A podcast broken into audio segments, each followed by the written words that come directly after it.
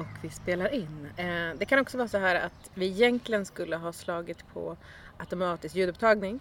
Men nackdelen med det är att om någon skrattar så går den i taket och eh, om Ja. någon är tyst ett tag så blir brr, ja. Ja, Så jag tänker att då är det bättre att vi bara kör på en jämn nivå och sen så kan någon stackars jävel kanske få klippa det här så att det låter vettigt. Det är skitsvårt att klippa om någon varit utomhus för att det blippar i bakgrunden. Ja. Ehm, vad ska jag säga? Vi spelar in just nu, vi spelar in utomhus för att it's corona time. Ehm, It's Corona Town. och jag och Lisa hade ingen lust att bygga varsin garderob eh, och sitta på distans. Lisa har uh, ateljé precis i närheten där jag bor nu. Ehm, och ja, ni kommer höra en massa motorljud och sånt där i bakgrunden kanske. Vet inte om micken tar upp det. Vi får Men- se. Jag, jag gissar att här, om fåglarna flippar ut igen så kommer vi höra en massa fågelkvitter. Eh, det är harmoniskt i alla fall. Ehm, vi tänkte prata om lite ämnen som kanske är lite så här småkänsliga och konfliktmässiga och skit. Ehm, och då kan vi nämna på en gång att vi har inte gjort hård research för det här ehm, och förberett jättemycket. För att vi tänkte helt enkelt att det är roligare att vi faktiskt gör någonting än att vi överarbetar oss på någonting som kanske inte blir någonting alls. Eftersom eh, det är en tid just nu när man kanske inte orkar lägga lika hårt krut på allting. Ja, eh, och eh, det är coronatider och allt är inställt och då ska ni vara jävligt tacksamma att ni får lite mangapatriarkatet. Ja! This is why we can't have nice things. Corona edition. Yes. Um, jag tänkte så här, nämna som ett intro, att så här, någonting som jag tänkte prata om um, när vi kommer till att jag har fått en så här konstig Hergé-fnurra så jag måste prata av mig om Tintin.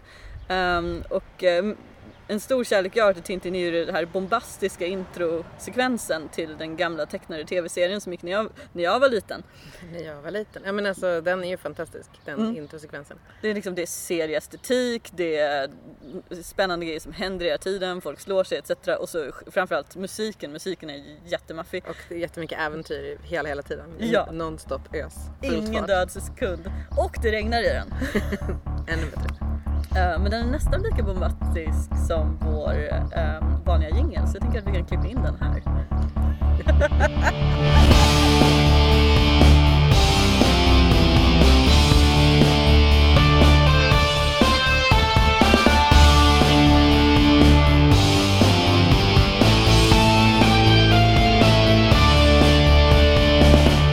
Ska jag typ ösa ut med mitt Tintin eller ska vi prata om um, Vandogate och lite... Ja, de två väldigt polar- polariserande ämnena för dagens eh, avsnitt är alltså Tintin och Vanlogate. Ja. Eh, jag vill bara brasklappa I know nothing, I'm from Barcelona. Eh, och jag har också så här angående Tintin, jag har exakt en koppling till Tintin och ingen annan koppling till Tintin. Det är en jävligt bra koppling dock. det har jag gjort. Jag har gjort generation T, alltså Tintinklubben i Sverige kan man säga, Tintinföreningen. Eh, generation T. Jag har gjort deras eh, årets medlemskort. Eh, föreställandes den gode Hergé som sitter vid sitt skrivbord, sitt ritbord och så har han massa referensbilder omkring sig. Och jag, jag myste så när jag ritade denna bild. Ehm, Jag myste så när jag tittade på den. men jag har liksom ingen annan koppling. Jag läste lite Tintin för det fanns hos kompisar. Jag tror inte vi hade några Tintin-album hemma. Eh, och jag tittade på tv-serien. Mm. Och där slutar min liksom, koppling till Tintin. Ehm, min koppling, okej nu kommer, nu kommer mitt såhär... Jag, Hergé! Hergé! Hergé! Nej, men så här, Min koppling till Tintin är väl... eh, Ja, men Ska vi bara som- säga att Hergé är Tintins skapare bara så att vi Ja. har det sagt också. Ja vi kan, vi kan ju förklara det också att eh, han heter ju egentligen George Remy. Mm. Mm. Och eh, hans, eh, han, det var helt enkelt att han signerade sina verk med GR ganska länge och sen vände han på det så det blev RG och när man uttalar RG på franska så blir det min, eh, jag ringde faktiskt min pappa precis innan eh, vi träffades för jag ville ha en förklaring till varför jag äger Tintin-album. Och det var att eh, han köpte Tintin-album till familjen så att säga eller till barnen och lite sig själv också tror jag. Men mest också för att han tyckte att vi skulle ha Tintin-album att läsa för att han tyckte att Tintin var bra och spännande och så.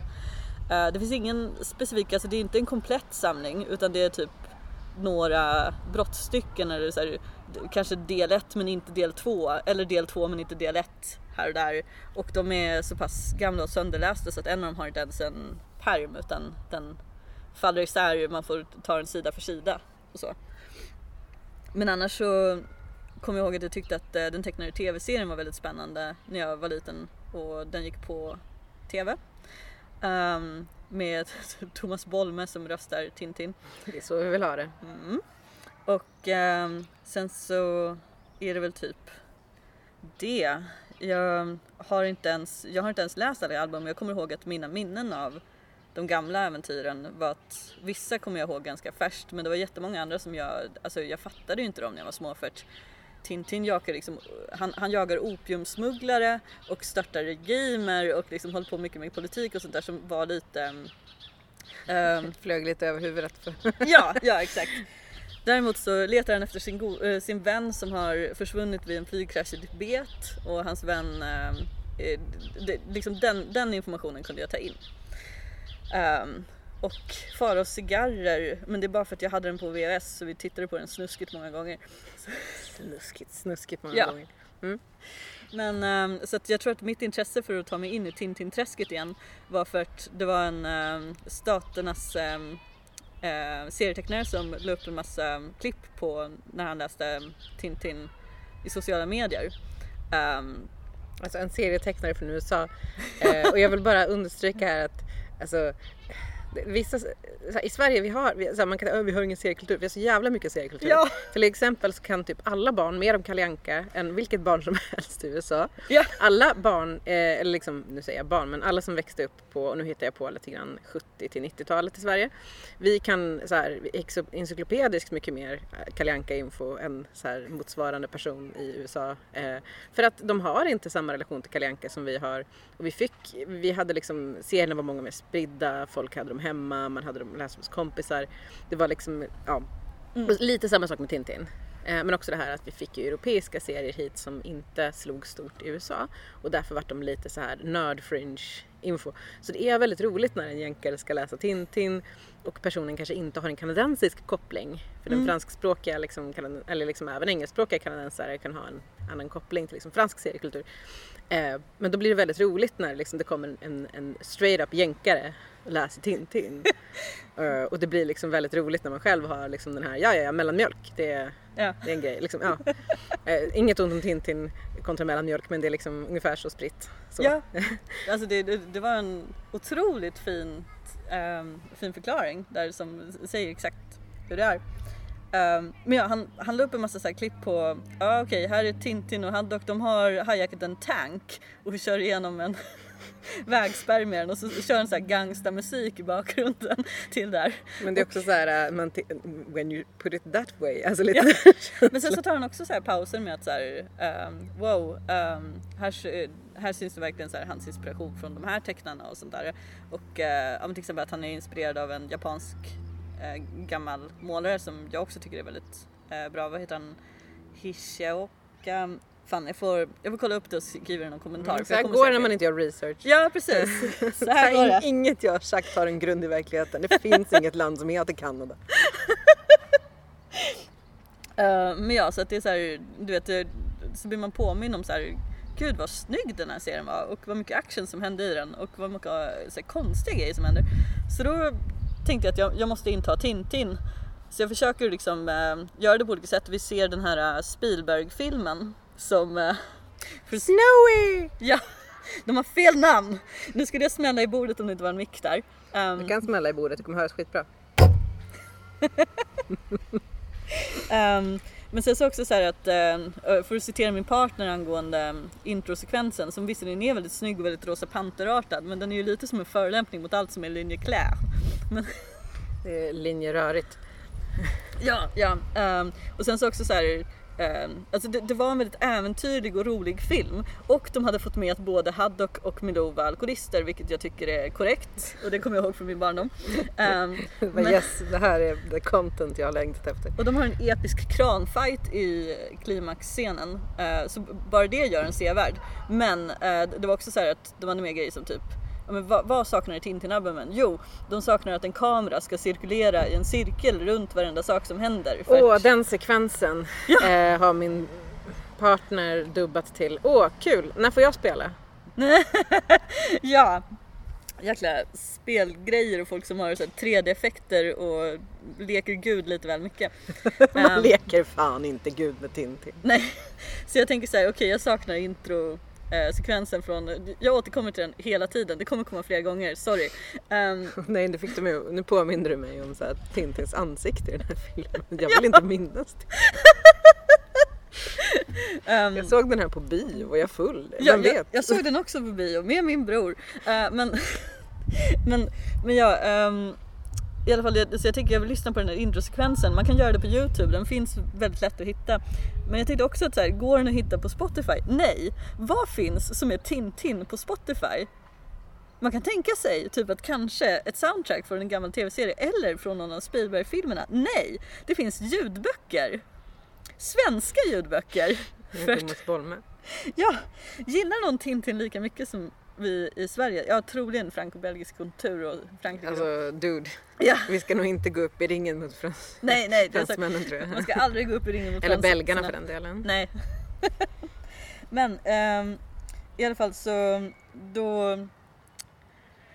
eh, har, har vi sett om ett gäng avsnitt från den gamla serien eh, på svenska först till min partners förtret för att jag behövde ha i bakgrunden när jag tuschade grejer. Och sen så visade det sig att det inte fanns engelska, eh, min partner är yngre än mig. Han kan inte engelska, eller vadå? Nej, han, nej, men han vill läsa manga på engelska. Nej jag skojar bara, han läser manga på japanska. Men Jävla weeb. ja. Nej men, ähm, men i alla fall så då får vi kolla på det på franska ett tag. Men sen växlade vi tillbaka till svenska igen så att eh, ja, vi följer det fortfarande. Och sen så har jag lyckats hitta mina Tintin-album som var längst in i en kartong i äh, mitt äh, källarförråd och börjat läsa om saker. Det, alltså de är extremt roliga. Det, och, och, och det finns inte så mycket rim och reson på dem heller. Det finns liksom i bakgrunden Um, eller i bakgrunden, vad säger jag, i, på baksidan av varje Tintin-album så är det en guide i vilken ordning man ska läsa dem. Jag tror inte att den stämmer. Um, jag och Lisa har förresten ritat av den här guiden till vår Angolem-serie. Det är en hommage. Mm, den har man, jag tycker att vi är väldigt roliga och briljanta. Jag tycker hela den serien var skitrolig faktiskt. Men Mm. det är en annan berättelse. Ja, ja. Ehm, men ehm, i alla fall, för att när man läser de här, jag, jag är ju liksom på mitt andra album nu som inte är det andra albumet i serien men i alla fall så är Kapten Haddock redan där och jag har för mig att man får träffa honom i något senare album. Så att, ja, jag vet inte vad det här beror på. Om vi ville veta det hade vi kunnat bjuda in Björn Wallberg. Alltså, om vi faktiskt ville ha ett seriöst Tintin-avsnitt så hade vi absolut kunnat.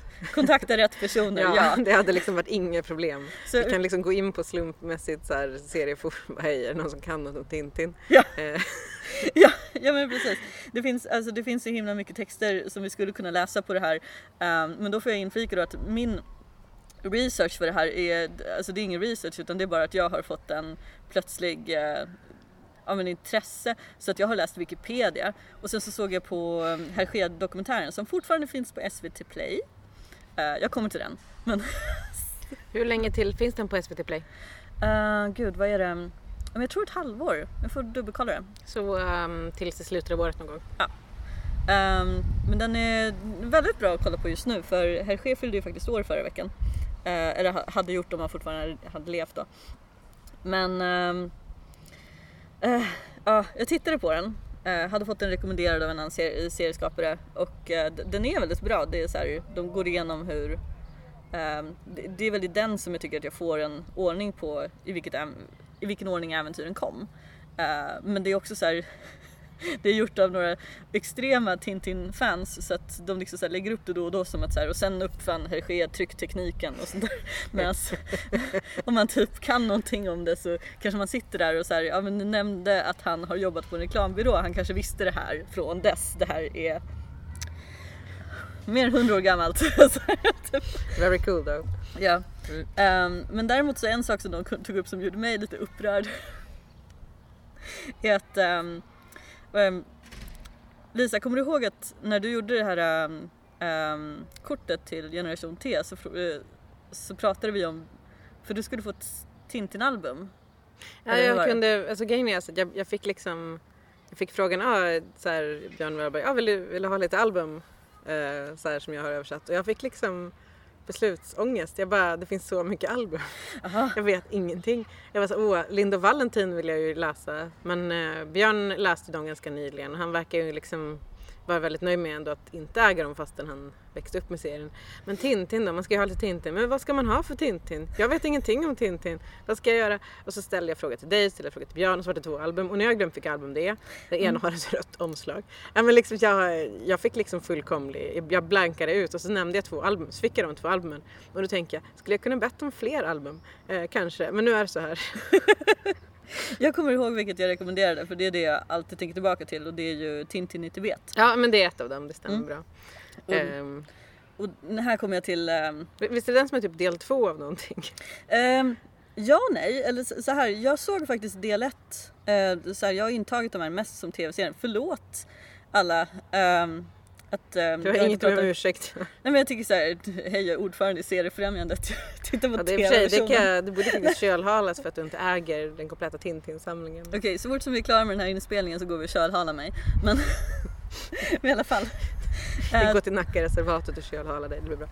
Så här kommer s- så här, en sak som folk ofta pratar om när det gäller Tintin och sånt där är att eh, den är lite ehm, rasistisk på sina håll. Ehm, och det är ju inte särskilt konstigt, vilket man också ser i dokumentären för att det liksom startar med att um, ja, men någon präst vill- ville ha lite, kan du göra de här äventyrsserierna som du tidigare gjort i scouter men med en reporter som eh, visar hur schysst det är med kolonial, kolonialism. Kolonialism. Mm. Mitt trick är bara att säga det skitsnabbt och sluddra så mycket att ingen märker om jag säger fel. De, de var i alla fall väldigt eh, kolonikåta i Belgien på den tiden. Mm. Ah, Okej, ja. Så att eh, det finns ett gäng album som eh, jag inte är så här jättespänd på att läsa om och kanske inte gör det heller.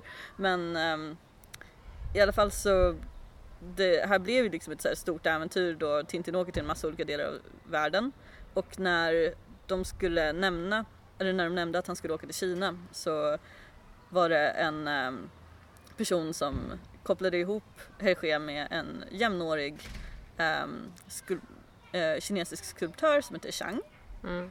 ehm, för att han skulle få bättre research och han hjälpte honom jättebra med liksom, researchen inför albumet som skulle spela in i, eh, utspela sig i Kina. Ehm, och de blir jättegoda vänner.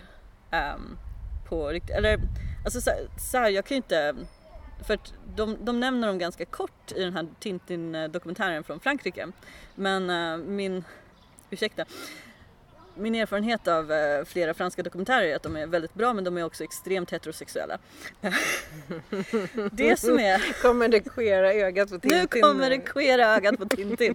För att det som, det som är mellan George och Chang Ehm, eller mellan Hergé och Chang och Tintin och eh, karaktären Chang som är en insert av George Chang i Tintin-albumen. Det är. Ehm, ja, det, det är extremt fint. Så här, det kan också mycket väl vara, alltså det, det är en vänskap, men jag säger att om det är en vänskap då är det samma typ av vänskap som du och jag har. Det är en väldigt betydelsefull djup vänskap. Så du säger att Hergé och Chang skulle haft en podcast? Ja, ja. Absolut. Det är vackert. Ehm, nej men alltså det, det kan också bara vara att det här var, alltså det, deras levnadstid var ju liksom runt eh, strax innan eh, eller strax innan och under andra världskriget och sådär så att det här var ju också en tid innan homofobi var utbrett och manliga vänskaper var på ett annat sätt. Det liksom, man hyllade varandra på. I alla fall Litteratur, litteratur, så, bla litteratur, bla, litteratur, bla bla bla bla, mjau mjau mjau mjau. Mjau, mjau, mjau, mjau. Och nej, är det Flashback Forever-podden? Ja, ja, reklam. Ja. Skamlös reklam, Flashback Forever. Fy fan vilken bra podd att lägga plats till. Mm, den här podcasten är inte sponsrad av Flashback Forever och deras följare eller av Kjell Company. Nej, bara hjälpt av. Hjälpt av. Precis. Men men. ehm, Ja, i alla anyway. fall. Så, ehm, det, här, det här med att Tintin och Chang, att det är någonting mellan dem, det är någonting som har varit kanon i, eh, i eller min, vad heter det, headcanon. Ja. Eh, det har varit min headcanon sedan jag var liten. Eh, det var också därför jag föreslog Tibet, för, eller Tintin i Tibet, för då handlar det då om att Chang är försvunnen eh, och Tintin letar efter honom. Det här är enda gången som Tintin gråter också. Är det, har jag drömt? Och det här är återigen så här, går inte att faktakolla fullkomligt. Vi kan bara förlita oss till våra hjärnor. Det går inte på något sätt att kolla upp det här. Eh, Men heter inte den typ Tintin i... ehm, Eh, vad var det? Alltså typ kinesiska Tibet eller någonting. Alltså heter inte den någonting... Ah, den hette någonting annat förut eller? Ja, nej men gud nu blandar jag helt ihop det här. Det finns någon, någon namnändring som är kopplat till... Eh, äh, Landsändringar och så. ja, jag är inte hundra. Eller om det är tibetanska Tibet. Men du vet, det, det är Det så låter här, jättelogiskt. äh, Anyway, men i Sverige så heter den Tintin i Tibet. Ja. So there you go. Um, men i alla fall, uh, Tintin träffar då Chang egentligen flera album tidigare i ett album som heter Blå Lotus. Och eh, det var den som jag såg eh, den animerade serien på um, bara häromdagen. Och då när, när de möts upp så vad, vad ska jag säga, de får direkt är de så här, betydligt mer fysiska än Tintin andras eh, kamrater och de tycker väldigt mycket om varandra och liksom så här, skulle dö för den andra skull och sånt där. Eh, så här kan jag också säga att spaningen att Tintin skulle vara queer är inte ny från mig utan eh, Det, var... det, det är så här hett från pressarna av Steph Gaines. Ja, nej, Nej men alltså det, det, det var typ någon artikel i The Times om det också för att så här, Mm. han bor ihop med en sjöman ehm, och så är det så här, DuPontarna, identiska du, kläder, de är inte bröder utan de, jag vill också bara nu göra reklam för nya Carnegiebryggeriet som ligger vid Hammarby sjöstad. Eh, för de har nämligen en rad toaletter eh, som man kan gå in på. Om ni går in på, jag tror det är toaletten näst till höger, alltså andra från höger. Eh, då finner ni på väggen där en så här väggkonst, alltså en målning på väggen av en extremt rippad, jag tror det är en haddock och hela hans kropp är liksom bara tatueringar av Tintins äventyr. Eh, jag kan ju säga att, eh, her, vad heter de, eh, Hergé, eh, Molisat, alltså de, de som mm, mm, ja ja, Mm. de som tar hand om eh, Tin- eh, Hergés rättigheter och som är extremt nitiska som gör att man absolut aldrig någonsin får rita en Tintin-raket på någonting för då kommer de och liksom så stämmer skiten ur dig. Mm. Eh, de skulle då eh, inte uppskatta den här fantastiska toalett. Eh, Ja. Men det behöver man inte veta. Ja, ja, jag, jag gissar på att det är de som ligger bakom att det där uh, Café Tintin som fanns i Göteborg som Alltså nu 100 inte finns mer. Mm. Det, det finns inget sätt att ta sig dit. Det har slutat funka. Ja men ja, alltså 100 procent. Mm, De mm. är extremt nitiska. Jag försökte smyga in en liten Tintin-raket på science fiction-bokhandelns julkort. Eh, det blev stopp på det för att man inte vill bli mördad i sömnen. Oj, okej. Ehm, Ja. Nej men liksom de är extremt nitiska. Ja. Men eh, nu har vi nämnt en massa olika grejer och eh, ja, Nya Carnegiebryggeriet, kommer absolut inte ihåg adressen, finns i Hammarby sjöstad, har en stor Googla härlig, stor härlig utservering i coronatider. Ja. Eh, gå in på deras toaletter och kissa. Mm, mycket bra reklam. Ehm, jo, jo, men i alla fall. ehm, så när, eh, när han gjorde det här albumet Tintin i Tibet, om man läser typ på Wikipedia om bakgrunden till det så tar många upp liksom att ja, han var väldigt ledsen just då av olika anledningar för att liksom hans liv var i kris just då också. Eh, men det var också det att det var liksom så här politiska svängningar i Kina som gjorde att han hade ingen kontakt med verkliga Chang och han misstänkte att han hade blivit mördad. Så han gjorde det här albumet i otrolig sorg liksom över så här, min, min vän som jag inte har någon kontakt med mer. Men de återförenades. De återförenades ehm, i eh, alltså typ tre år innan Hergé gick bort och eh, det finns ett klipp på Youtube för att de hade någon så stor Eftersom det här är Frankrike och Frankrike tar sina serier på allvar så hade de såklart ett tv-inslag med att så här, nu träffas Hergé och Chang för första gången. Och det här på- var liksom rikskänt. Ja, ja. Gud det, det är liksom så här studio när de sitter och pratar och bara vi kan inte beskriva känslan av att se den man tyckte så mycket om i livet och sånt där. Alltså jag, jag säger det, det är, en, det är en extremt fin vänskap mellan dem och jag blev upprörd över hur lite plats den fick i ehm, den här franska dokumentären. När de pratar om Tintin i Tibet så nämner de eh, för att, eh, ja, men att Hergé eh, hade blivit förälskad i eh, en färgläggare på hans eh, ateljé och eh, lämnade sin fru runt där och att de var så här, ah, det, det är så mycket symbolism för det i Tintin i Tibet. När han letar efter sin vän Chang som vi nämnde tidigare baserat på en annan vän han, han har. Vi nämner ingenting om den vännen just nu. Underbart. Vilken Så- vacker historia Steff. Ja, Men du rekommenderar ändå eh, dokumentären? ja den är väldigt så här, eh, trevlig och så är det kul att se andra franska serieskapare som sitter och bara pratar om hur mycket de älskar Hergé och så, så har de också så här, faktiska klipp när Hergé pratar om sina äldre verk och ja, men, till exempel det här med att han eh, ja, men, ångrade vissa saker och tyckte att det var bra att kunna gå in och ändra när man har lärt sig bättre och sånt där. Ehm, vad var det han sa? Att Chang lärde honom att man har ett ansvar gentemot sina läsare. Och jag tyckte det var så vackert. Så Vad fint. den är fortfarande väldigt fin. Men annars så, så här, alltså Tintin-äventyren, de i, i sig. Eh, jag, jag ska kräkas lite Tintin till, sen går vi vidare, jag lovar, förlåt. De flesta Tintin-äventyr är ganska lika på olika sätt.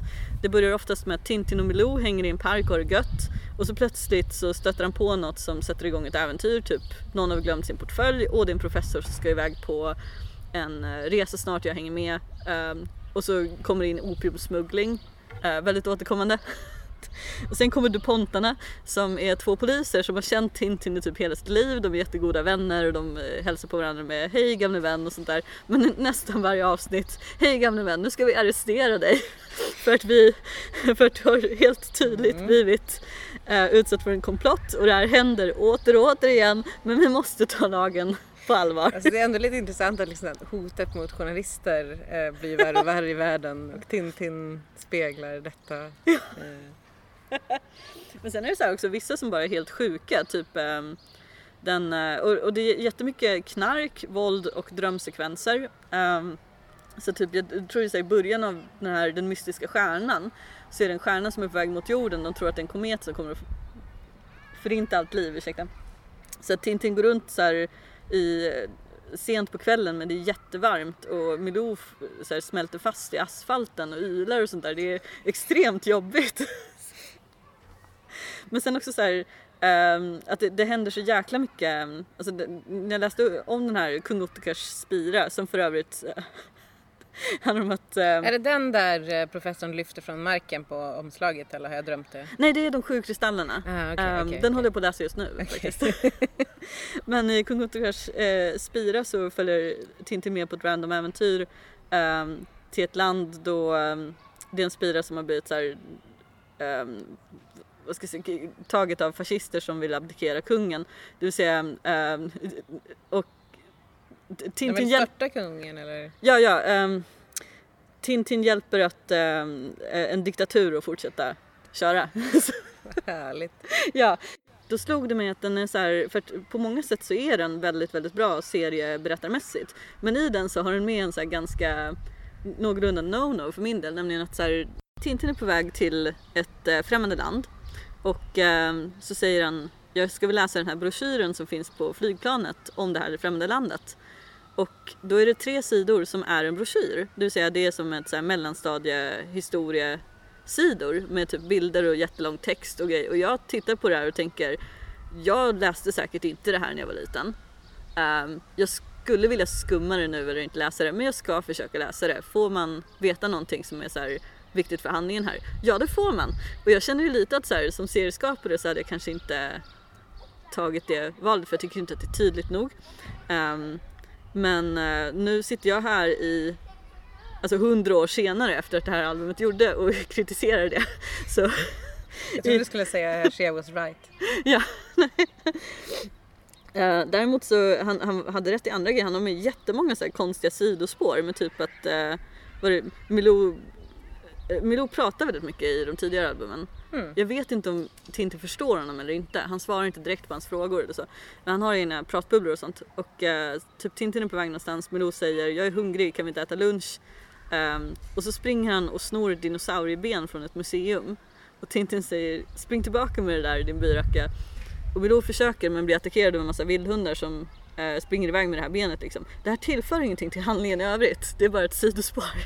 Det är ju, man måste ha lite skoj också. Ja, och det är det som jag nog tycker är så himla roligt med de här. Det är jättemycket trams, jättemycket så här folk som går in i dörrar. Det är extremt mycket så här, Tintin är med om eh, så här, jättefarliga äventyr, folk som håller på att skjuta på honom och de missar honom av ren tur hela tiden. Um, typ han råkar ducka i rätt läge med mera. Det är jättemånga saker, sådana saker. Väldigt återkommande att han eh, typ ramlar ner i havet eller svimmar på olika sätt och vi tror han är död men så vaknar han hos en snäll främling som har tagit hand om honom.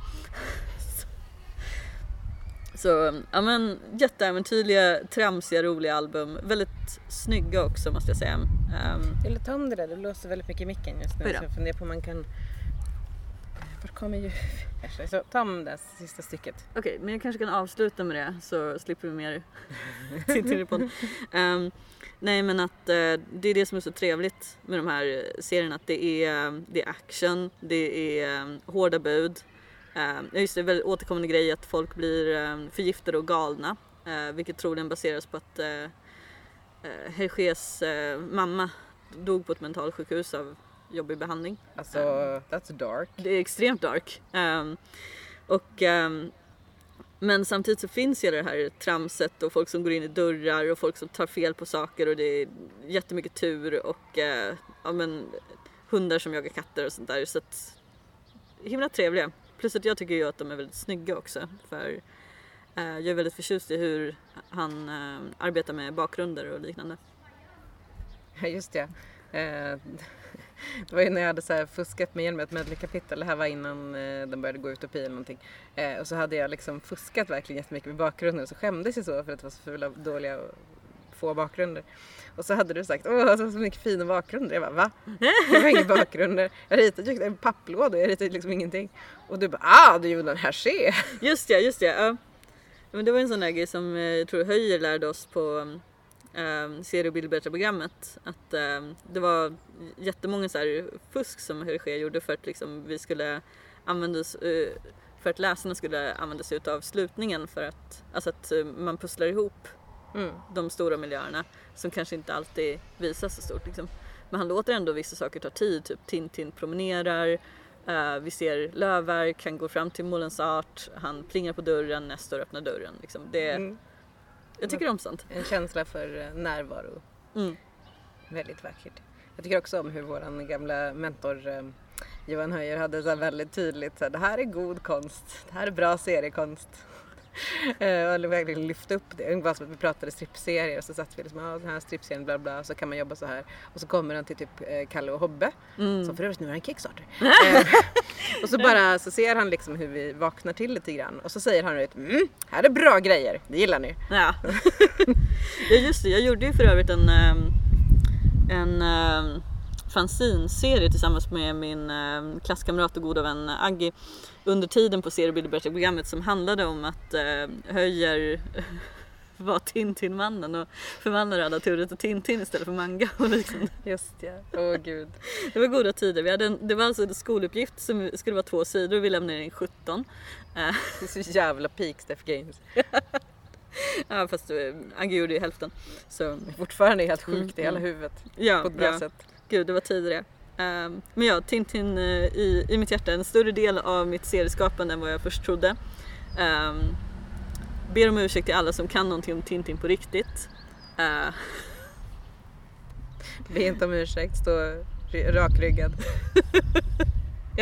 En vacker dag så kommer vi stå där vid pärleporten och då måste vi stå till svars inför våra stora mästare Hergé och eh, Barks. ja. Min sista grej som jag vill säga, ja Barks, Förlåt.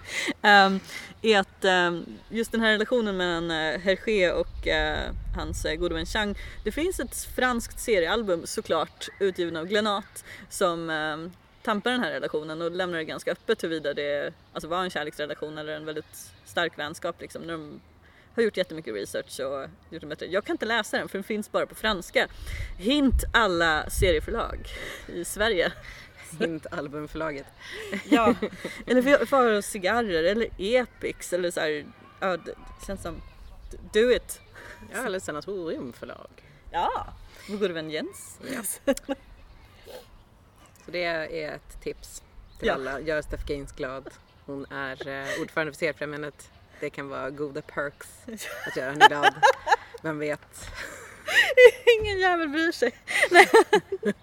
Alltså jag älskar också det här med att så här, när vi gick med i, eh, ni, ni kanske har märkt att vår uppdatering av mangapatriarkatet eh, sjönk väldigt mycket i... Det kanske märker att det här är första avsnittet på typ fyra år eller något. Ja, ja. Eh, men att det liksom var ett konstigt tidsmässigt samband med att vi gick med i styrelsen för seriefrämjandet. Eh, Mm. och vi tänkte väldigt länge att vi ska göra ett ordentligt avsnitt när vi faktiskt pratar om eh, vår relation till det. Eh, men ni får det här istället. Ja, vi får Tintin-podden. Um, vi behöver inte bara prata om Tintin, ska vi prata om um, Corona Times Creatives och Vanlogate? Ja, låt oss prata om Vanlogate. Gud. Alltså ska vi spoila redan från... Eller ja, nej, vi, vi kanske ska, först ska berätta vad, vad Vanlogate är för någonting för icke insatta. Ja, som alla vet så när någonting blir en snackis så är det ju numera eh, kutym att man, man sätter ett litet gate efter. Och i det här fallet så var det eh, en snackis. Johan Wanlöv skrev en krönika i Göteborgs-Posten. Eh, folk hade åsikter. Eh, då taggade bara på en liten gate, således Vanlo-gate. Mm. Eh, och den här krönikan, så här. Johan Wanlöv är en serieskapare som vi är eh, goda vänner med. Ja, det, jag tänker om, om ni inte redan märkte på faktumet att han gjort ett av våra omslag Mm. så räknar vi Vanlo som en vän. Yes. Eh, eh, och han, eh, vad ska man säga, han, han gör en mångsysslare. Eh, han gör lite allt möjligt. Han pratar radio, han skriver krönikor. och Så här. eh, och hans stil, både när han skriver krönikor och till viss del när han spelar in poddradio. Det är ju lite att han, så här, han tuffar sig, förlåt för han fräckar sig. Nej men han, eh, Han, gör, han, gör, han gör saker som man läser hårt så att säga. Mm, han har en Det- liksom, ganska raljant stil. Eh, en rolig och raljant stil. Ja. Men grejen är ju då att om man inte känner Vanlo och läser den här krönikan uppenbarligen så kan det Eller- bli jätteilla. Ja, eller om man helt enkelt inte har tagit in någon annan kul- kultur från Johan Wando Mm. eh, och läser den här krönikan. Ja, men det är också lite så här, äh, det är så klart att krönikan måste kunna stå på egna ben. Jag förstår ju liksom att man läser den och blir så här superilsk. Men eh, om man läser någon annan krönika Johan Vanlo så märker man ju Ja. att det är en ton, vad han än skriver om. Ja. Ehm, Jag brukar alltid bli glad när jag ser rubrikerna på hans krönikor. han sätter dem ju inte själv. ja, jag vet. Men... Eh, Men det blir väldigt, det är också så väldigt, eftersom att han kör på väldigt hårt så det är ofta så här äh, ga- ganska hårda angreppstitlar på hans krönikor. Ja. Eh, Och denna handlade ju helt enkelt liksom om att eh, ni som nu har typ eh, börjat måla eller sticka eller liksom, inte sticka kanske, men så här äh, göra videos, göra såna här eh, Sångnummer, olika kreativa utlopp Ja, under coronan liksom så här eh, och karantän. ja, under karantänen nu liksom, ni är uttråkade och då så utövar ni kultur. Eh, då ska ni veta att det här är minsann eh, vad jag gör varje dag även fast det inte är corona och det är tufft och det är hårt och ja. Mm. Eh, men han skriver det här på ett väldigt, liksom, jag tycker väldigt roligt sätt. Sen har jag förstått att den här tonen har verkligen inte alltid gått fram hos alla. Och i en separatistisk grupp som jag brukar hänga i, separatistisk för att det är, det är för nördtjejer liksom. Mm. Eh, då har- var det en lång, lång, lång tråd om att Vanlo är dum i huvudet och eh, eh, ja, men liksom att han gatekeepar. Och gatekeeping är ju ett låneord som ni hör. Eh, som helt enkelt innebär att man inte släpper in någon i sin egen sfär. Mm. Eh, och just i fallet med nördtjejer så är det just det här att man kanske, man kanske har på sig en t-shirt med något band och så kommer någon och bara kan du eh, dra topp fem låtar från det här albumet och berätta om den här eh, Nu ska vi ha läxförhör Ja, men- för att se om du förtjänar att ha den här t-shirten. Precis, och grejen är att så här, jag går ju runt ibland med typ några synt-t-shirts som jag har. Som är väldigt fina. Jag gillar den här musiken, jag är inte expert på den. Eh, men jag förväntar mig alltid 100% att någon ska liksom fråga ut mig när jag har mina synt-t-shirts. Aldrig att någon frågar ut mig när jag har mina Sonic-t-shirts. Vilket är en stor sorg. För jag vill inget hellre än att någon ska fråga ut mig om Sonic så jag får prata om Sonic. Oroa dig inte, jag ska fråga ut Lisa om Sonic. Men eh, med detta sagt, eh, när man snackar om gatekeeping då är det just det här att man inte släpper in folk i ens hobby eller ens liksom, intressesfär för att eh, ja men alltså, är du värd att vara här? Ja, och det, det här, vi kan ju också som en brasklapp tillägga att det här är en riktig grej. Det, är- Mm. det är någonting som vi båda har blivit utsatta för, eller som väldigt många har blivit utsatta för. Det är också någonting som jag vet att jag har diskuterat med äh, Vanlo för att han blir så arg när folk gör det. Så, alltså, Mm. Jag vet att han och jag, eh, jag tror vi tre till och med har diskuterat vid olika lägen det här med när någon ja, men inom seriebranschen eller så lägger upp det som att man måste tillhöra en viss grupp för att komma fram etc. Och eh, att det inte är okej. Um, Ja, och en sak som jag tycker är så befriande med just Vanlo är att han är också väldigt mycket för det här att om du vill bli en del av serie-Sverige så är det bara att hugga för i en bit. Mm. För att liksom, vad, ska de hindra dig från att rita serier? Ska de hindra dig från att lägga upp dem på nätet eller göra ett fanzine? Ja. Ingen kommer göra det. Alltså, det är klart att alla vi som någon gång har börjat med fanzine har någon gång känt att vi var liksom motarbetade eller att vi, det är svårt att komma fram eller liksom vi får inget utrymme eller inget utseende. Så här. Men i verkligheten, förlåt jag, liksom, jag vill inte trycka ner någons upplevelse för jag har också känt så här. Men just när det gäller serier så är det verkligen bara att rita serier. Däremot så kan man ju bli nedslagen och känna att så här, finns det en plats för mig och så. Eh, och det är helt valid, helt rimliga känslor. Men just när det gäller liksom att teckna serier så är ju kruxet snarare så här att fortsätta. Jo, absolut. Och sen så, ja men inom parentes, vi vet det här förekommer. Det förekommer i, alla branscher. Jag brukar liksom, eh, jag brukar säga ibland att eh, jag skulle vilja säga att seriebranschen är, eller den svenska seriebranschen, att den är fri från sexism och rasism och så. Men då skulle vi inte behöva nätverk som Dotterbolaget eller Tusen serier. Ehm, så att med detta sagt, det förekommer men jag tror inte att det var, eller jag är typ, jag skulle säga 100% säker på att det var meningen med den här krönikan. Ja, för att det jag läser in av krönikan Mm. eh, det- är ju att Johan Wahl menar att att skapa kultur är någonting som alla kan göra. Alltså man kan sätta sig ner och typ börja måla en tavla eller göra mobilsmycken eller vad som helst. Eh, och du kan göra det och det är inget fel i det men ehm, till saken hör ju att för att vara en kulturarbetare så gör ju det även när du inte har riktigt förutsättningar att göra det. Ja. Eh, och han gör det på ett väldigt briljant sätt. Alltså han, han gör det verkligen på, på ett ganska hårt sätt. Eh, och det tänker jag inte, det, det är korrekt liksom. Eh, och jag har all förståelse för att man läser den här och känner att så här, han säger att, jag, att min konst inte är tillräckligt legit. Eh, det, jag kan förstå den läsningen. Men just eftersom att jag har läst så pass mycket av hans övriga material eftersom att jag har pratat med honom så jag läser ju in någonting annat i tonen såklart. Och det gör också de flesta av oss som ja, om jag ska säga seriebranschen eller vill, som brukar hänga på samma mässor som Johan och sådär. Ja. Eh, då, för det är just det här. eh, Jag tycker det är det bästa som finns i hela världen att rita serier. Mm. Har, idag har jag fått så här, rita igen för första gången på skitlänge efter att ha gjort massa frilansuppdrag. Det är så jävla gött. Men det är också skitjobbigt. Ja. Och det är också så här, du får noll pengar och du måste puttra fram, du måste hitta sätt att ha råd med att rita. Ja. För att det tar tid och det tar fruktansvärt mycket tid att rita serier. Ehm, och där någonstans känner jag att jag förstår Johans... Eh, det finns ju en frustration. Ja. Jag förstår den. Alltså jag känner ju också så här att det är så himla svårt. Alltså dels att, n- eller mest när man ska vara i media och eh, berätta om sitt yrke. Ehm, för att, alltså, jag kommer att tänka på att ehm, så här i eh, slutet av förra året så sökte jag bostad och så gjorde jag en serieannons efter att eh, två kollegor hade gjort samma sak med ehm, fördel i Göteborg och Malmö och jag försökte mig på Stockholms eh, bostadskö. Eh, och nu med facit i hand tycker det är skitbra eftersom vi sitter på din innergård Ja, eh, jag i har- Bagarmossen. Jag har ett förstahandskontrakt, alla borde rita serier för att liksom få det. Det är hur lätt som helst, vadå 14-årig kör? Nej eh, jag skojar bara, det var skitsvårt. Eh, men i alla fall, då runt jag la upp den här på Facebook och Twitter och den delades väldigt mycket och runt det så kontaktades jag av en lokaltidning som eh, frågade om de kunde göra ett reportage om det. Och jag beslöt mig för att eh, intervjuas för att jag tänkte att då kanske jag får ännu mer Um, ännu fler folk kan se det här och så kanske det kommer upp fler chanser och så. Uh, men då när han skulle intervjua mig och fråga så här, gud jag, är, jag tror att en av frågorna var typ, jag är så avundsjuk på det här med att du kan använda din kreativa grej för det här. Um, och det, den står ju verkligen ut mot andra lägenhetsannonser. Um, och då vill jag säga, för, att, alltså för det mesta när någon säger till mig typ Eh, jag kan inte ens rita en streckgubbe eller sådär så vill jag säga alla kan rita bla bla bla. Men samtidigt så vill jag verkligen inte ösa ner på mitt eget yrke. Jag, jag måste typ framstå som att det här är någonting som jag har jobbat med i flera år.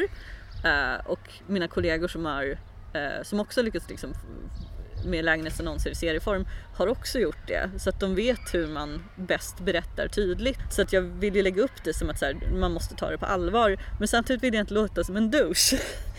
Poängen är ändå att det, fin- det här är ett yrke. Vi har jobbat väldigt hårt med det. Snälla ta det på allvar. Men eh, jag såg ju inte så mycket av den här hatstormen eftersom Alltså jag såg ytterst lite av det. Så här, jag kände ju att för den här gruppen då som jag brukar hänga i med nördtjejer, den är generellt sett väldigt välkomnande och snäll. Den har tydliga regler och sådär. Men den här tråden, det var inte som att folk skrev typ Åh, häng honom, Åh", det, det är inte det. Men det är också så här, äh, ja men det blir väldigt mycket såklart. Så att, ja men eh, det här är en vit man, vad vet han? Så. Och, och till viss del förstår jag ju också den synpunkten. Alltså om man själv har bedömts på sitt utseende snarare än sina meriter till exempel. mm, Vilket ändå händer att, som kvinna att man kanske, ja man får liksom räkna med att det, det är andra trösklar, det är andra saker att tänka på. Det är inget kul eh, alla gånger. Men med detta sagt, eh, det som gjorde mig ledsen var ju att man i den här tråden efter ett tag började liksom håna typ på vilket sätt han var kreativ. Och då var det någon som sa typ, min kompis som är konstvetare Eh, säg, eh, vi kom fram till att typ inte egentligen, hur länge har det kall, kallats en konstart egentligen? Det är nog ingen konstart. Och folk typ likade det här och då kände jag liksom, jag vart liksom bara ledsen och nedslagen. Vad är det för mening? Är det här allt som krävs för att eh, serier ska liksom nedvärderas till eh, en lägre icke-konstform igen? Men då kom det faktiskt folk och var så här, men nu får ni skärpa er. Det är klart att serier är konst.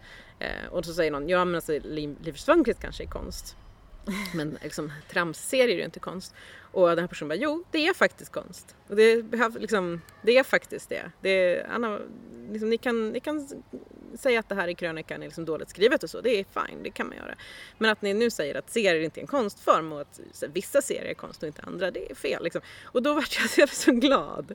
Ja. jag kände mig så sedd för jag kände jag kan ju inte själv gå in, jag är serieskapare, jag kan inte gå in i den här tråden. Det blir så himla mycket, jaha är han din kompis eller? Och ja det är han ju, så det blir jättekonstigt. Men den här personen som då gick in, det var inte bara en person, det var flera. Men då var det också så här, nej jag känner inte den här personen. Ja, jag har läst serierna. Ja, han är välkänd. Om ni inte läser svenska serier så har ni inte läst dem. Typ så. Mm. Och det var väldigt mycket, ja tack. Det var allt jag ville höra av någon. Så nu har jag återigen fått eh, tro på mänskligheten. Eh, men det är bara så tråkigt att så här, eh, jag tycker det är fine att man, liksom, jag tyckte inte det här var bra skrivet eller så. Jag, jag kan förstå den sidan. Men, men just det här att eh, att använda det här och håna andra saker. Det är ungefär som man ska börja håna, vilket jag har hört att också så här, folk hånar hans utseende eller liksom går på andra grejer. Eh, också hört folk kalla honom för typ incel varpå han svarade lite snorkigt visst jag är tvåbarnsfar men annars liksom. eh, eh, och det, det tar jag bara avstånd, alltså det är bara tramsigt, jag blir, jag blir besviken på människor när de håller på sådär. Så, Ja. Men jag tycker absolut man kan ha en diskussion om innehållet i krönikan, det är bara det att jag verkligen eh, jag var tvungen att vrida mitt huvud flera varv för att förstå vad folk faktiskt menade. Ja, alltså ett, ett stort tack till ehm, våra white knights så att säga. Som, som kan försvara oss när vi inte ehm, skulle göra det trovärdigt. ehm, förutom när vi pratar i den här podden då. Nej men det är som eh, jag, jag blir bara glad när folk här, det, det vackraste vi har i detta land är serieläsare. eh, nej men alltså folk som bara läser serier, eh, så, som, som, gillar, som gillar serier. Liksom. Alla, jag fattar att Alltså vi har ju väldigt mycket serieskapare i detta land. Eh, men jag bara tycker om att det ens finns utrymme för att folk läser och uppskattar serier. Och det låter som en liten grej men det är en stor grej. För Det är därför det överhuvudtaget går att ge ut böcker. Ehm, Så jag blir väldigt glad när någon som inte är insyltad i branschen också kan se det här och förstå det. För det har Ja. jag ändå läst av folks reaktioner och det, det gör mig lite ledsen. Men det är min tolkning. Folk läser inte så själva kanske men min tolkning är ju lite så här att, att vara en, en professionell kreativ är inte värt. Alltså Mm. det jag läser av folks reaktioner. Jag förstår att det är en, en reaktion på vadå? Ska jag inte kunna lägga upp mina blomarrangemang på Instagram menar ni under coronan? Mm. Eh, jag förstår den magkänslan också. Jag kanske också hade fått den om saker hade varit lite annorlunda för mig. Men det jag läser av hur folk väljer att formulera sig är ju ändå att vara kulturarbetare inte är ett riktigt yrke, ska inte tas på allvar och vem är du din jävla stropp? Typ. Ja. Men samtidigt som jag vet ju att alla som överhuvudtaget sysslar med serier får ju liksom kämpa med det på något sätt. Antingen har man ett annat eh, jobb vid sidan av eh, eller så gör man en massa olika grejer för att få det att gå ihop. Ja. Eh, eller så skrapar man på något sätt ändå ihop tiden för att kunna skapa serier. Och det är tufft.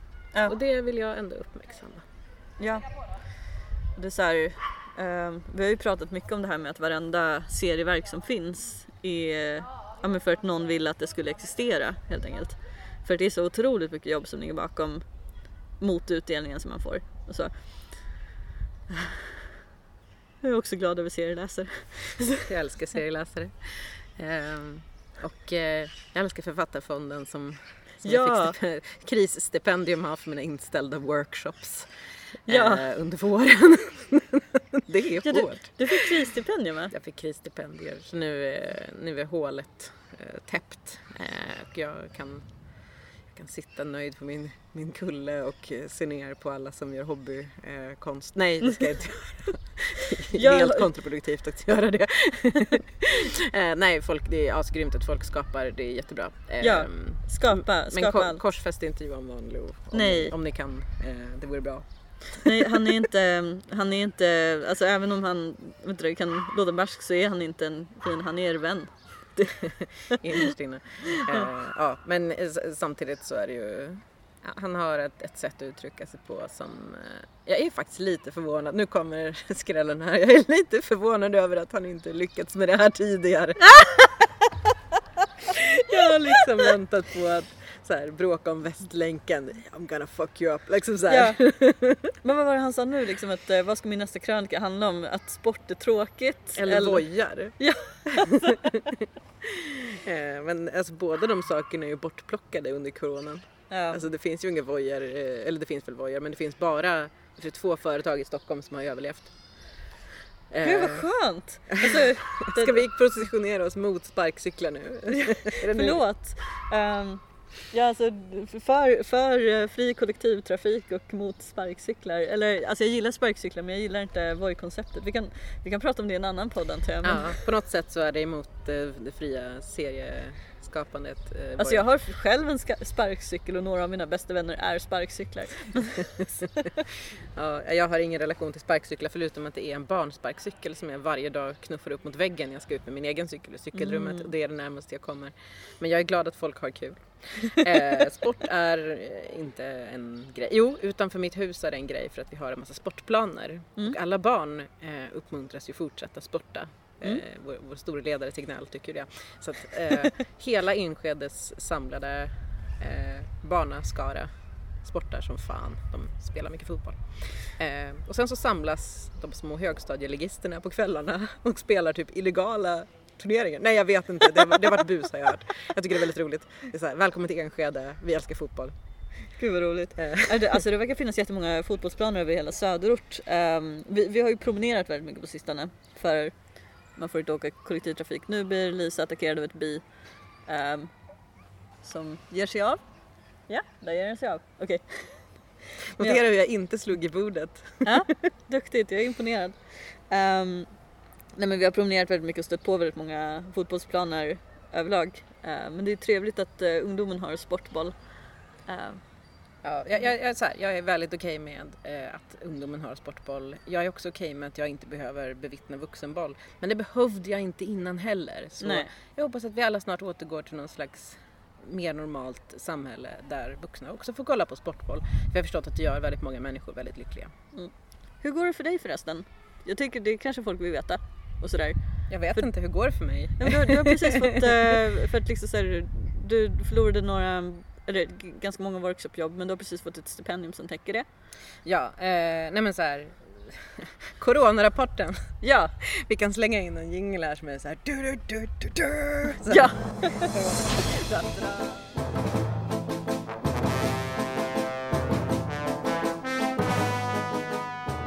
Förlåt. Så kör vi. Eh, ja, nej men så här. ehm, jag har ju inte alls blivit lika hårt ansatt av coronas effekter som... Var det där? Jag tror inte det var Oscar faktiskt, jag tror, eller var det? Ja vi får se. Om det börjar Ja. regna så blir det ett hastigt slut och det är bara så det är. Ehm, nej men jag har inte blivit lika påverkad av coronas effekter som många av våra kollegor i branschen. Mm. Ehm, delvis tror jag faktiskt för att jag har för vana att skriva avtal skriftligt så fort vi kommer överens om någonting. Så jag hade jättebra underlag när jag skulle söka för eh, inkomstbortfall nu. Inkomstbortfall. Nu när... Eh, Statsepidemiolog. precis, statsepidemiolog. Säg det tre gånger snabbt. Ehm, det, alltså, det hjälper ju inte bara såklart. Eh, men det är en grej. Det är Mm. lättare att kunna påvisa att någonting skulle ha skett. Eh, och när de nu satte in den här hjälpen så det, det var bra. Eh, men annars hade jag ju hunnit göra skitmycket. Jag hade precis hunnit liksom skriva kontrakt för ett bra jobb innan coronan blev en grej. Så jag, hade, jag har liksom jobbat med genom hela våren och sett allting rämna runt omkring mig och ändå kunnat rita mig igenom det. Eh, och det har varit väldigt bra för mig tror jag för jag tror att jag hade blivit galen annars. Ehm, så nu så sitter jag här och har, har jobbat ihop en peng som gör att jag kan rita serier resten av året. Och det är bra för jag förväntar mig inte att särskilt mycket annat kommer att hända resten av året. Så vem vet att om coronaåret blir liksom året jag ritar medley, det vore väldigt sjukt. Eh, för att jag tycker inte det ska behövas en epidemi för att man ska göra klart en seriebok. Det vore väldigt sjukt. Däremot du har, um, vad ska jag säga, oddsen är in your favor just nu. Um, för, förlåt, det, det var ju himla smaklöst att citera den. Um, Åh gud, ska vi dela upp Sveriges så här, eh, regioner nu heter det? gud. Eh, och så ska vi alla skicka dem till huvudstaden och låta dem slåss. Ingen i, vill till huvudstaden just nu. Alla ska till Globen, det här stora skeppet vid Globen. Um, um, Vi kan husera men, dem i det här stora huset bredvid Globen. men det är medley time. Det är medley time. Mm. Eh, Jag tänker, alltså så här, all, om, eh, du kan ju se om du vågar klippa bort det här från mig sen men man kan ju nämna det att så här, nu har Lisa äntligen tid och medel för att sitta och rita medley. Jobben är avklarade, eh, de du hade innan och det, foundings finns. Så det är nu som ni kan skicka era fanarts och eh, hurrarop och eh, fan vad pepp vi är ehm, för att olja igång den här motorn. Du och jag har ju pratat lite om så här långtgående projekt Mm. och försöker ha lite som en så här gemensam stödgrupp för Ja. detta. För det, det här behövs folk. ja gud, alltså det är så extremt tröstlöst att rita på någonting i 600 år så måste man sluta bara för att åh, jag är hungrig, jag måste köpa mat. Åh, Ja. jag, har ingen, jag har inga pengar, jag måste jobba. Jobbigt. Eh, nej men alltså, det låter ju låter ju uppenbart att liksom man måste jobba för pengar. Ja, det är uppenbart. Men det är också så här, samtidigt som man ritar serie, då får man göra antingen eller ofta. Mm. Eh, och då väljer jag att äta mat. För jag tycker om att hålla den här kroppen igång. Eh, Mm. Jag tycker om att leva. Det är en Eh, investering. Yes. Eh, Men jag har också fördelen att jag har fått jobba med roliga saker. Ehm, Och det är också lite orättvist mot medley därför att jag tycker väldigt roligt att rita medley. Men jag får också en sån jäkla boost när man jobbar med roliga uppdrag. Mm. Så det är dubbelt för mig. Men alltså det är ju inte något dåligt heller för det ger ju, vad ska jag säga, all, jag, jag tycker ändå det att alla sidouppdrag jag haft har eh, boostat upp mitt, ehm, alltså min portfolio och eh, min egen kunskap som Ja, jag sen gud. kan applicera till andra saker. Ehm, Och sen när man väl börjar göra uppdrag, det har du säkert också märkt, så börjar de här existerande sakerna som du redan gjort att jobba för dig. Ja. Så att så här, folk ser, ah du har gjort det här, då kommer det här. Eh, så i höst så kommer två barnböcker som jag har illustrerat. fuck yeah. Eh, och de, jag är jättenöjd med dem, det ska bli så roligt eh, Mm. att kunna skryta. Eh, Blåsten säger vad blåsten gör under corona time. blåser bort alla basilier, det är bra. Eh, ja. Och utöver de här två barnböckerna så har jag också illustrerat en, ett skivomslag som har delats upp i flera olika bilder. Så att förhoppningsvis så kommer mina bilder att börja synas någon gång nu under, jag gissar sensommaren, det är inte helt klart med släpp, släppet på albumet. Men det är, det är en artist som, som unga personer känner till, jag är 500 år gammal. eh, nej men det är, liksom, det är roligt för att ingen över 30 som jag pratat med vet vem det är och alla under gör det. Så det är väldigt skoj. Eh, men det har varit väldigt skojigt och eh, det är ett stort skivbolag och eh, det här är jag är så himla mallig och nöjd så det ska bli kul att se vad de gör med mina bilder för de har, de har köpt skiten nu. De har, jag äger ingenting längre. Så vi får se vad de hittar på eh, för skoj. Eh, jag har skrivit på ett sånt här kontrakt som Svenska tecknare alltid säger att man absolut inte ska skriva på. Eh, men jag fick kompensation så det är inte synd om mig. Men det är ändå så här. Mm. Så det är därför jag kan rita medley för jag har sålt min själ. Din musik själv. Sin musik själv precis. Ja, så vi får se. Men det är jag mallig över. Eh, Det är jättekul eh, och jag ser fram emot att ni ska få se det. Eh, Steff, du har fantastiska nyheter. Ja. ehm, men blåsten har också nyheter. Nej. Får se. I alla fall, jag... ehm, jag har blivit ehm, satt på att det, kommer hända så jävla mycket i mitt liv från och med typ augusti. Eh, eller ja, det, det har väl börjat lite nu. Eh, så, så sagt, vi, vi har ju suttit i styrelsen för SEF, eh, Seriefrämjandet ett tag och nu blev jag ordförande i och med årsmötet. Och eh, vi får se vad, vad som händer med det och hur vårt arbete kring det fortskrider. Samtidigt som det här så har jag också, apropå att serier inte är konst, eh, kommit in på Konstfack med ett serieprojekt som jag ska studera en masterutbildning på. Men de ser inte i konst. Um, i alla fall, så jag ska gå på visuell kommunikation Um, och vi får se i vilken form det kommer vara på grund av att ja, all, allt är som det är. Men jag ser väldigt mycket fram emot det här um, och jag har ansökt om CSN. Jag kommer troligen inte ta så mycket jobb i höst för att jag kommer att ha fullt upp, uh, räknar jag med. Men det gör också att uh, alltså just nu så vi fick ju, jag och min partner fick tag på ett boende precis innan allt det här uh, och flyttade till det strax innan allt det här bröt ut. Så jag sitter i mitt torn och vet att det är ganska säkert i höst. Jag har inte haft så mycket grejer under våren men jag har liksom så här haft en budget som jag sakta äter mig igenom och kommer ner på noll och en partner som har eh, nu, nu citerar jag det som ett riktigt jobb eh, fast vi Ja. pratade precis som att serier är riktigt jobb. Ehm, Men det är inte så välbetalt jobb. Eh, ja, han, han, har en, eh, han, han var serieskapare innan också så att eh, både han och jag är väldigt så här, Fast nu är han ingenjör. ja nu är han ingenjör, han är högskoleingenjör.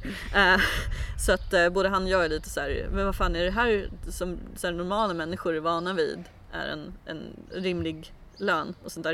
Eh, men i alla fall det gör att eh, jag har råd Oj, nu petar jag på bordet. Nej men eh, jag har råd att göra ingenting ett tag så jag har inte känt mig så stressad över eh, att jag inte haft så mycket jobb de kommande månaderna utan jag har istället tänkt att jag ska försöka läsa upp mig på eh, om en kunskap som kan vara bra för mina studier men också så har jag börjat rita jättemycket dagboksserier och grejer för att jag tänker att det här är min enda chans. så ja, Lek av dig. Du kommer fortsätta rita dagboksserier under plugget, jag är övertygad om det. Tack så mycket.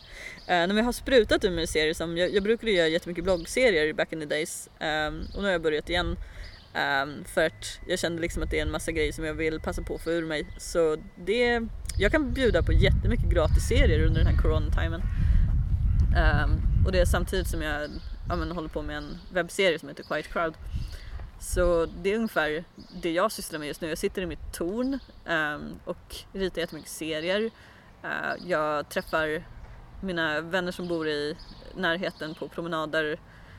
Eh, och sen så har jag börjat ringa folk lite mer för att jag... Man blir oavsett hur odrabbad man är av det här ehm, så blir man fortfarande väldigt rädd och eh, ledsen och orolig för sina nära och kära. Så det jag gjorde för att dra ner min ångest kring det är att jag började ringa personer som jag pratar med mina föräldrar i telefon.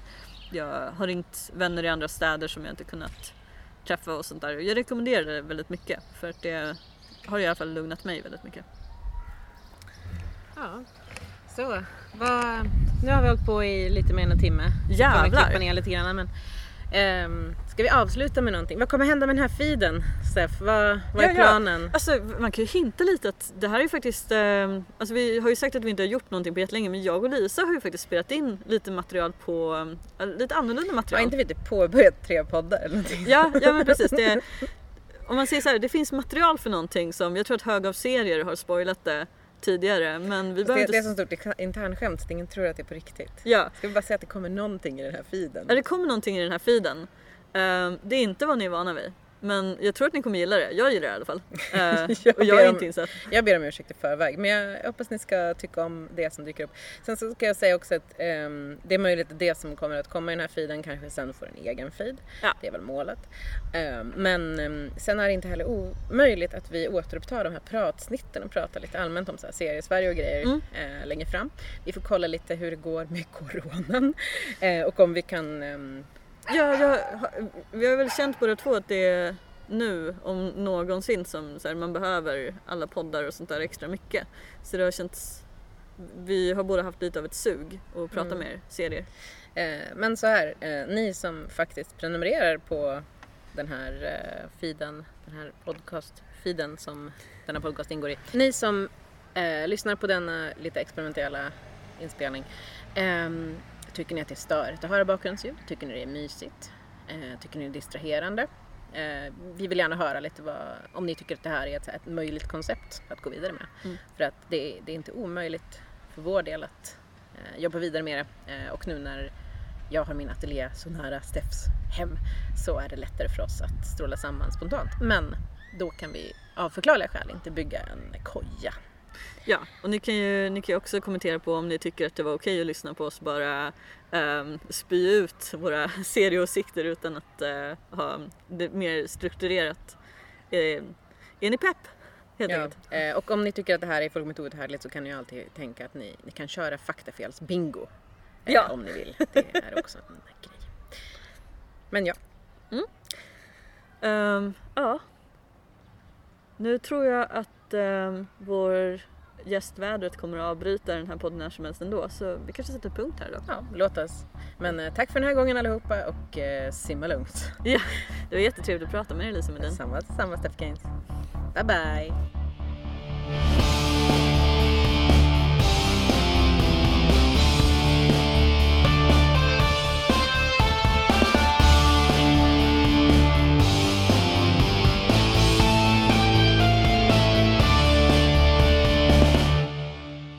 Ja, hallå?